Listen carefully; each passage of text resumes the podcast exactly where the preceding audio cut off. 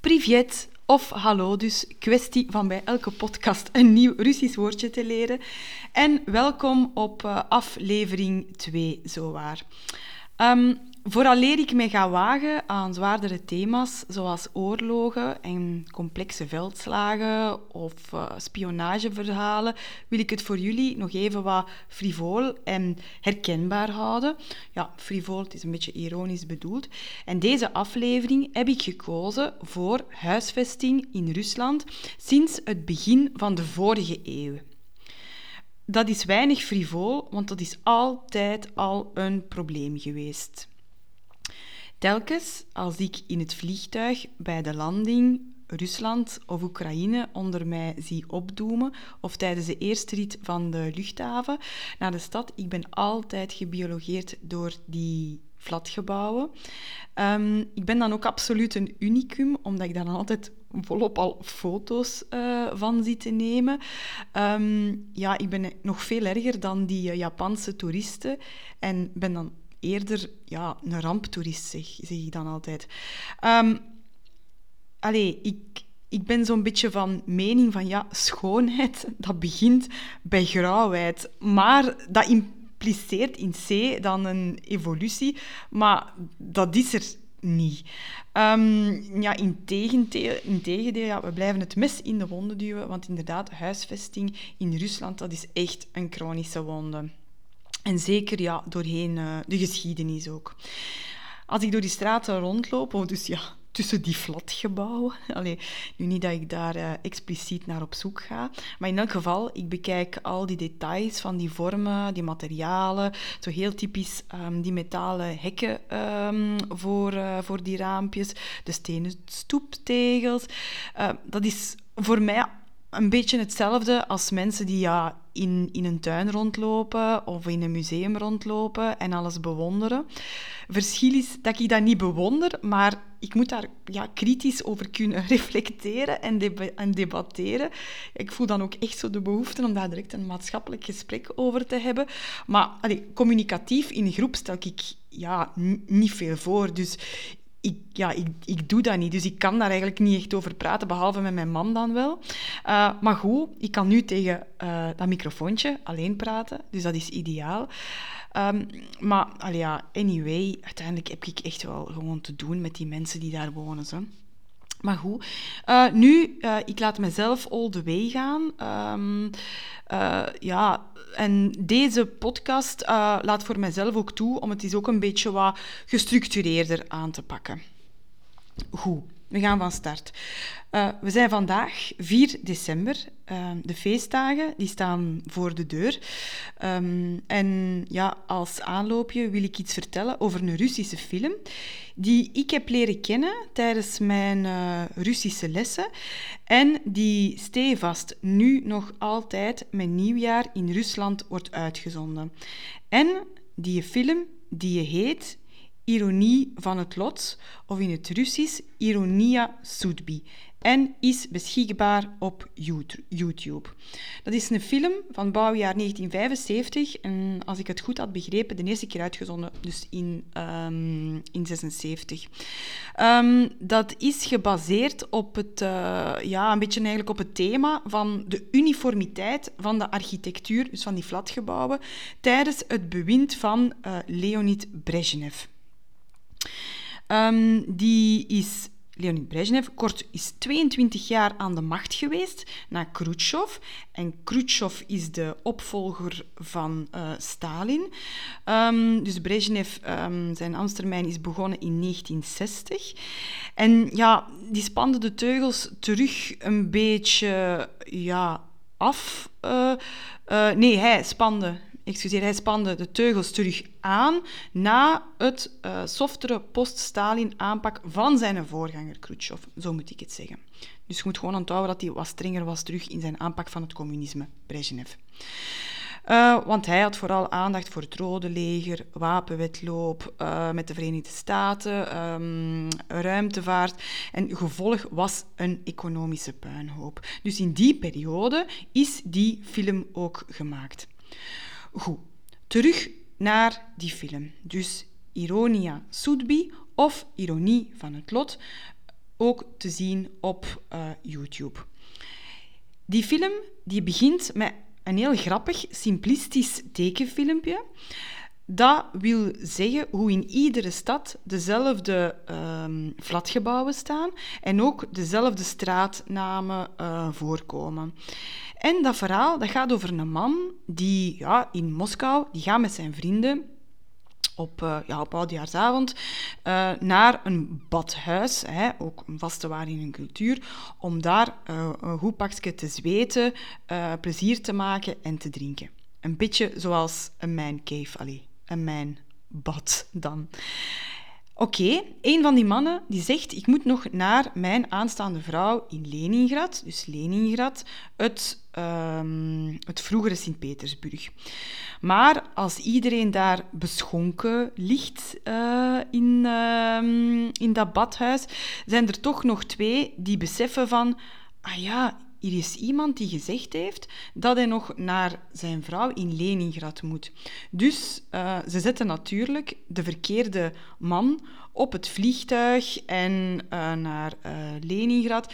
die komt daartoe. Die man die denkt dat hem ja, gewoon in Moskou zit. Ja, allee, moet eigenlijk echt denken, het is een beetje zoals een FC de kampioenen scenario. Hè? Het is ook een beetje zo in, met in, in diezelfde stijl uiteindelijk wat gemaakt. Um, dus die komt toe in uh, Leningrad, maar die denkt dat hij in Moskou is. Dus die neemt de taxi, die zegt zijn adres, maar dat adres komt natuurlijk ook voor in Leningrad. En toeval, uh, die sleutel die past ook op die deur, maar dan woont daar een andere vrouw. En de film is vertrokken. Um, goed, dus ja, die filmbeeld uh, is eigenlijk, ja, wil gewoon eigenlijk aantonen um, ja, dat die, die flatgebouwen, dat dat overal kopies zijn en gewoon ja, een zeer sterke uniformiteit is. Hè. Hoe? Hoe is dat allemaal tot stand gekomen? Even kort. USSR 1922 tot 1991, een uit de hand gelopen bijproduct van de revolutie in 1917, toen Lenin de macht overnam, en de macht overnam uh, van het uh, Tsarenrijk van de Romanovs en ja, ook ten val kwam. Uh, onder dit aanhalingstekentjes socialisme was alles in het bezit van de staat, dus er was geen privébezit, pri privébezit meer. Um, dat idee heeft dan ook een impact hoe steden zijn ontworpen en gecreëerd. Steden in de jaren 20 en 30 of het begin van de Sovjet-Unie, die focussen op die transitie nog van het privébezit naar gemeenschappelijk bezit of collectief oh my god, of collectivisering. Sorry. En gecontroleerd door de, staal, door de staat. Um, de stijl, ja, de bouwstijl die naar voren wordt geschoven, is ja, constructivisme. Dat wil zeggen, het moet absoluut niet mooi zijn, het moet vooral industrieel zijn en het moet functioneel zijn. Want uitgangspunt van het communisme is um, ja, dat, um, in, hun denkwijze dat mensen zoveel mogelijk buiten moesten zijn om te werken, om te eten samen moesten zijn, uh, ook voor hun sociaal leven en hun vrije tijd. Dus dat impliceerde een, uh, een minimum van um, woonruimte. Um, dus voor Wereldoorlog 2, uh, ja, dus het begin van de vorige eeuw, was er dus de opkomst uh, van, die, uh, van Stalinkas. We zitten in de periode dat Stalin aan de macht is. Vandaar de naam Stalinka. Enerzijds waren dat gebouwen die zeer residentieel zijn, ja, met aandacht voor detail, decor, hoge plafonds, uh, veel Sovjetversieringen, zo in die typische rode baksteen en zeer eclectisch van aard. Um, die worden gebouwd in rechte, lange uh, straten, in strakke geometrische vormen. Um, ja, dat wordt ook een beetje, zij noemen dat in Rusland, noemen ze dat, oké, voor het woord voor avenue hebben ze eigenlijk prospect, hebben ze, gebruiken ze dat woord, die heel breed zijn. En um, ja, waarom, is, waarom zijn die zo breed? Ja, een hypothese is natuurlijk, ja, alleen geen hypothese, logisch, omdat ze er de plaats voor hebben. Maar ook ten tweede, omdat bij demonstraties zo het, het, het volk dat in oppositie komt, uh, gemakkelijk uit elkaar uh, kan worden gedreven. Ehm, ja, naast die Stalinkas had je dan ook een soort ja, ehm, ja, dormants noemen ze dat in het Engels. Ik, ik weet ja, een soort slaapzalen meer uh, voor, de voor, uh, voor de bevolking. Uh, dus in functie van dat ze dan ja, um, zoveel mogelijk ja, als een soort telkens in groep moesten leven. Goed. Na de Tweede Wereldoorlog was er een totale vernietiging van steden en door een migratie vanuit het platteland was woningnood een echt acuut probleem. Dus gelijkvormige afkooksels van die stalinkas uh, schoten als paddenstoelen uit de grond, met weinig aandacht voor interieur en voor exterieur. Dus dat wil dan ook zeggen dat een keuken, badkamer, allez, alles behalve de ruimte waar dat je slaapt met je gezin, dat was allemaal gemeenschappelijk. Um, dus ja, ze noemen dat, noemden dat communalkas. Uh, en in zo'n Kumanalka had je dan een soort, uh, verplicht had je dan een huisvestingscomité. En die bepaalde dan um, ja, met hoeveel en met welke gezinnen in die Kumanalkas uh, woonden. dat kon dus gaan tot ja, twaalf gezinnen die samen woonden, met dan ook ja, die verschillende generaties bij elkaar. Hè. Um, het kwam er ook op neer dat dan de gemiddelde uh, woonruimte, woonruimte in deze tijd ook minder was dan de helft van in West-Europa. Bijvoorbeeld ook in die ja, gemeenschappelijke keukens van die communalkas, daar waren, was ook bijvoorbeeld uh, geen opbergruimte, um, geen warm water en dergelijke. Um, dus ja, natuurlijk, je kunt je voorstellen, als je zo'n keuken moet gaan delen en in een cultuur leeft, um, waarbij dat steeds, allee, al dan niet terecht, staatsvijanden of vermeende staatsvijanden konden worden aangegeven bij de geheime dienst. Dus altijd ook ja, gemakkelijk excuses uh, konden worden gevonden als je een afwas, bij wijze van spreken, al een keer te lang liet staan om iemand uh, aan te geven om opgepakt te worden. Um, ja, is dat veel gebeurd? Vraagteken. Maar het was wel een conspiracy die altijd ja, om de hoek loerde uiteindelijk. Goed. Um, ja, tekorten uh, uiteindelijk, uh, desondanks dat er veel gebouwd werd, die bleven. En uh, dat was ook een grote zorg uh, voor de opvolger van Stalin. Dus zijn opvolger is Nikita Khrushchev.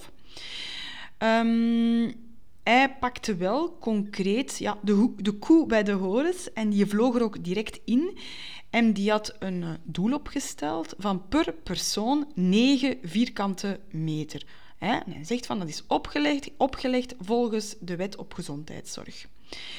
Um, hij legde dan meer de nadruk ook op wel compacte behuizing in de vorm van microdistricten.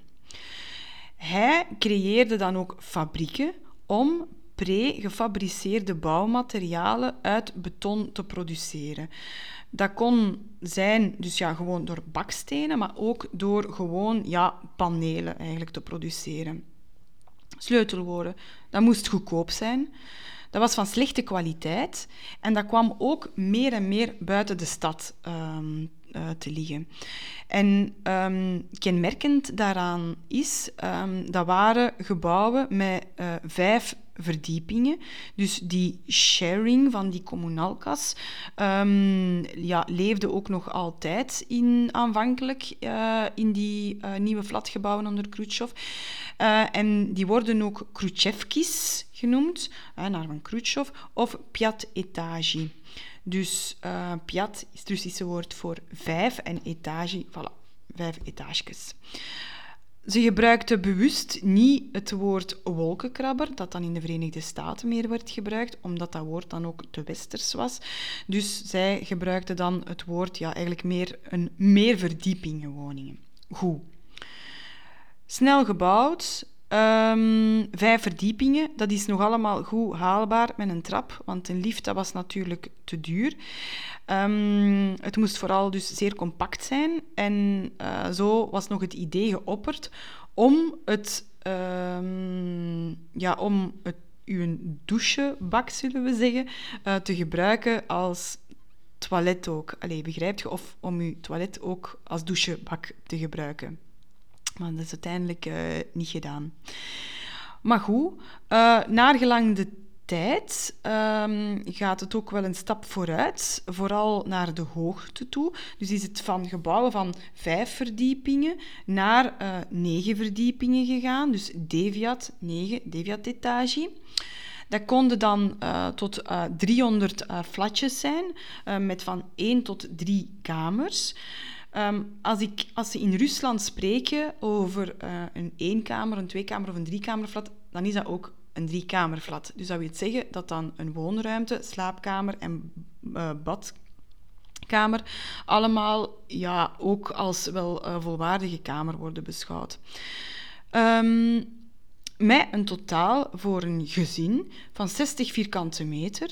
Dus dat kon zijn dan een uh, woonruimte bijvoorbeeld van uh, 18 vierkante meter, een keuken van 12 vierkante meter en dan nog 5 of 6 vierkante meter voor um, een uh, badkamer. Um, die verder zelfs gegaan tot verdiepingen, tot 12 verdiepingen. Um, dus uh, 10 à 20 um, van die flatgebouwen, met dan telkens 2 à 300 uh, flatjes, die vormden dan een eenheid, uh, waarbij dat dan ook ja, scholen en winkels waren, um, met ook wat speeltuinen en wat groen, dus aan, het aan de rand van de stad. Goed. Um, dan zeker in de jaren 50 en 60, waarom dat s'avonds, ja, zelfs in de winter, zo druk was op straat. Dat is natuurlijk omdat mensen, ja, die zaten op elkaar. Um, dat was ongelooflijk vol, dat was armelijk en ongezellig. En gewoon, zelfs na een ganse dag te werken, ontvluchten mensen nog altijd hun huis, omdat dat thuis ja, totaal niet fleurig is, allee, zeg maar ondraaglijk was. Um, ja, er was niet alleen een gebrek aan ruimte in huis, maar er was gewoon ook een gebrek aan huizen. Dus vaak was dat ook dat meerdere gezinnen samen moesten wonen bij een ander gezin, omdat er gewoon ja, pakweg niet genoeg huizen waren. Dus dat kon zijn dat, um, dat je gewoon als gezin dat daar een pas getrouwd koppeltje bij u kwam uh, bijwonen in een of ander vergeten hoekje nog in uw appartement.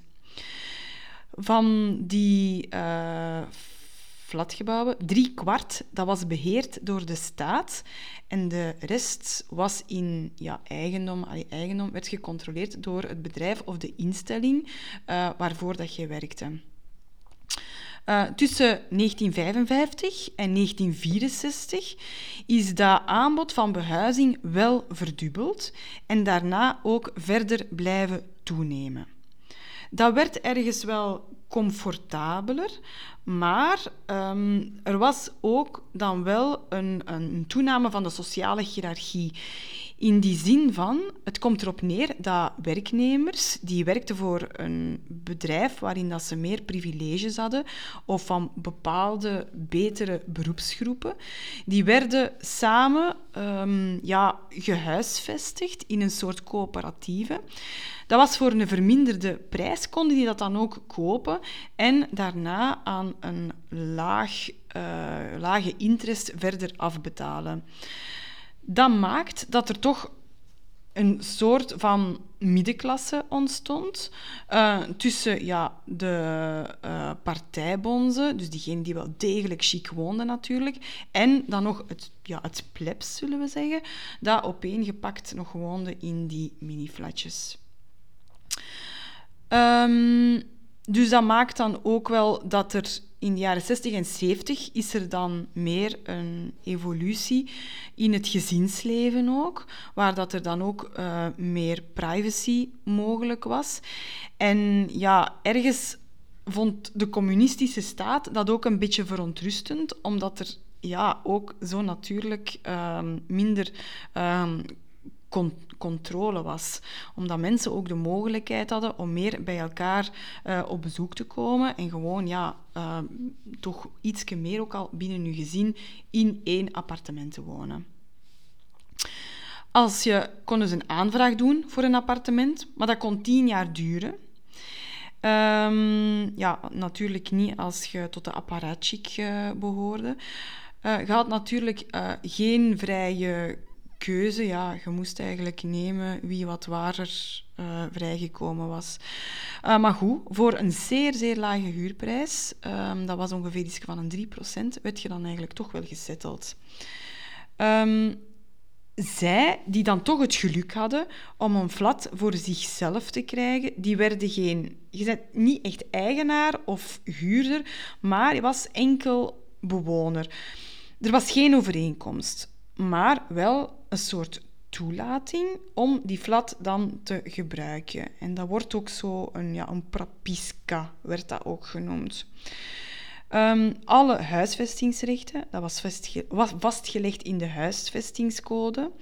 Dus die bewoners die moesten ook geen huur betalen. Ze moesten alleen wat betalen voor de nutsvoorzieningen, maar die zeer beperkt waren en die waren ook gecontroleerd door de staat. Um, dus dat huisvestingsbeleid dat was een van de minst marktgerichte, ook in de Sovjet-Unie. Want die tarieven voor die nutsvoorzieningen, dat, dat lag ver, ver, ver beneden de, de, de reële uitgaven. Dus ja, zelfs tot in de jaren 90 betaalden de bewoners ook niet meer dan 10% van de werkelijke kosten. Dus um, wat was dan het gevolg? Dat ook ja, constant uh, um, ja, dingen waren van die infrastructuur die niet werkte. Of natuurlijk ook wel verval van die huizen. Um, want zelfs tot in 1988 um, in de steden leefde een vijfde uh, van de gezinnen nog met een gedeeld sanitair. Can you imagine? Goed, we zijn het jaar 1991, uh, eh, dan uh, dus de val van de Sovjet-Unie. En komt er ja, een soort privatisering natuurlijk. En dan was het zo dat woningen die werden gratis overgedragen. Dus dat wil zeggen dat je ja, in het appartement waar je toen in woonde, ja, dat werd uw bezit. Met andere woorden, dat kon dan ook, um, ja, um, je kon dan ook allee, verder ge, uh, overgeërfd worden. Uh, nu, uh, nu allee, na de jaren negentig, is het zo, zoals hier, als je een huis of een appartement wilt kopen, moet je ook een lening aangaan. Op dat vlak is dat ongeveer nu gelijkwaardig. Uh, wat zijn misschien nog enkele ja, details of eigenlijk eigenaardigheden over wonen in Rusland? Dat is zo, vooral vroeger, tijdens de Sovjet-Unie. Die verwarming dat was centraal geregeld. Um, dus dat wil zeggen dat uh, de staat, dat was dan ja, half oktober bijvoorbeeld, de verwarming werd opgezet. Dus dat warm water dat werd door die buizen gechased. En je kon dat ook niet regelen. Dus die verwarming was er en was het nu buiten nog warm of koud, dat doet er niet toe. Um, die verwarming die bleef dan ergens tot in het voorjaar, uh, zullen we zeggen. Dus als je dan toch nog een koud voorjaar had, dan had je ja, pech. Voilà, oké. Um, die verwarming was niet te regelen, dus als je gewoon een beetje wou dat het wat minder warm was, moest je gewoon een raam openzetten. Uh, heel typisch natuurlijk ook um, door het feit dat die flatjes zo klein zijn. ik zeg maar bijvoorbeeld, je hebt uh, twee kinderen en je hebt een driekamerflat, dus met één slaapkamer nog. Gewoon, het was gewoon de gewoonte dat elke avond uh, in de woonkamer ja, de zetel, dat was een soort slaapbank, die dan werd omgebouwd, zodanig dat die kinderen bijvoorbeeld dan telkens in de living sliepen. Maar anyway, um, ze maken er toch het beste van. Um, want uh, zo typisch daarbij zijn hoe dat die flatjes zijn gestructureerd. Je hebt altijd wel in zo'n gemeenschappelijk binnenpleintje met zo wat, wat, ijzeren speeltuigen. Uh, maar ook wel met redelijk veel groen. En die uh, een heel typisch gebruik in Rusland, dat is namelijk recyclage van auto banden, die worden gepimpt, die worden zo bespoten in een fris kleurtje en die worden als plantenbak gebruikt. Dat zie je echt heel, heel veel. Ook om zo een uh, appartementsgebouw binnen te komen. Er zijn ook geen namen uh, aan de deur. Dat is ook nog een restant van vroeger. Dat is dus eigenlijk aan de hand van een, uh, ja, aan de hand van een cijfercode eigenlijk, dat je zo kunt binnenkomen. Um, voilà. Ik ga misschien ook nog een ehm, kort woordje zeggen over de dacha. Daar hebben jullie ook waarschijnlijk al van gehoord. Dus dat zijn hun uh, buitenverblijfjes uh, op het platteland. En um, dacha, um, dat betekent eigenlijk datgene dat, dat, dat, dat gegeven is. want dat werd ook gegeven, ook als een soort privilege, ook door de staat. Maar het een dacha, het idee uh, is, uh, is er eigenlijk al van uh, tijdens het bewind van Peter de Grote. Dus tot ver in de 20e eeuw was dat een zeer begeerd, um, ja, een zeer begeerd bezit natuurlijk. Um, maar dat leven op die dachas, dat werd door de autoriteiten ook geassocieerd met, met niets doen en het het werd ook een beetje beschouwd als, ja, je bent op dat moment ook uh, on, ja, onproductief bezig, als het ware. En, want ja, volgens de communistische ideologie behoort de vrije tijd ja, in dienst te staan van de opbouw van de socialistische maatschappij natuurlijk. Um, en uw persoonlijke ontwikkeling om een goede staatsburger te worden.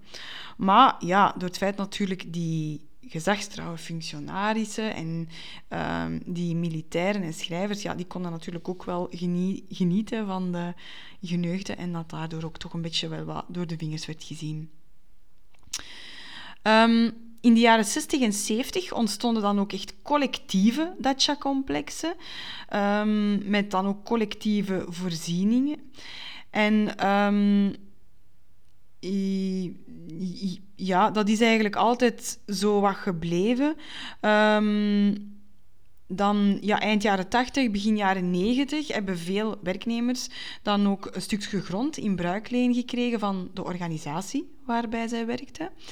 En ja, dat was ook een beetje een, um, een bewuste politieke beslissing om zo de voedselschaarste in de grote steden een beetje ja, uh, um, het hoofd te bieden, zodanig dat mensen zelf hun voedsel konden gaan uh, verbouwen.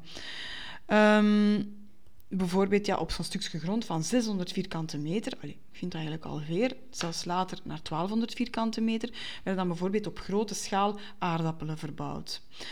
Um, en ja, uh, op die lapjes grond verschenen dan ook al terug houten huisjes en voilà, we zijn vertrokken. Um, maar in begin jaren 90, na de val, werd dat bezit van de grond wat geliberaliseerd en uh, nam ook dat dacha-bezit een grote vlucht. En door die ontvolking van het platteland ook, um, ja, uh, kwamen ook veel van die huisjes, um, van die simpele boerenhuisjes beschikbaar. En um, ja, zolang dat er maar een trein of openbaar vervoer naartoe ging, kwam ieder huisje ja, in aanmerking om ja, als dacha gebruikt te worden. Um, en ook heel typisch bij zo'n dacha is dan natuurlijk ook zo'n banja, zo die uh, Russische sauna. Hè. Um, dus wat is het nu? Nu is het zo dat met vakanties of in het weekend staan die Russische wegen uit die grote steden vol natuurlijk met auto's in de file die allemaal op weg zijn naar hun dacha. Um, ook wat je kunt zien ook, um, is vaak gewoon um, s morgens vroeg van die uh, die dan zo in een klein ja, appartementje of een hoekje wonen, um, in zo'n flatgebouw, die dan s vroeg aan de bushalte staan om dan nog naar hun, uh, ja, een armoedig datchatje te gaan en daar eventueel ja, wat, wat, wat bessen, wat aardbeien of wat frambozen te gaan plukken om dan terug te gaan naar de stad, om um, dat dan ja, die zitten daar dan gewoon aan de ingang van de metro. Um, ja, dat zo in grote potten te verkopen. Misschien hebben jullie die beelden dan gezien om ja, gewoon hun karig pensioen zo een beetje aan te vullen. Hè. Voilà, dat was um, zo'n beetje een, een, een, beeld over hoe dat de huisvesting is uh, in Rusland. Um, als ik misschien wat iets niet duidelijk was, of misschien ja, niet echt correcte informatie, ik weet het niet, of iets anders over zeggen. Dus ik wil gewoon maar zeggen van, ja, ik heb een uh, e-mailadres ook. ik heb het al gezegd, uh, Rusland zo waar, apenstaartje, gmail.com. Uh, voilà, um, ik hoop dat jullie er gewoon iets aan gehad hebben en dat het een beetje plezant was om naar te luisteren. alvast bedankt en ja, tot volgende keer. Bye.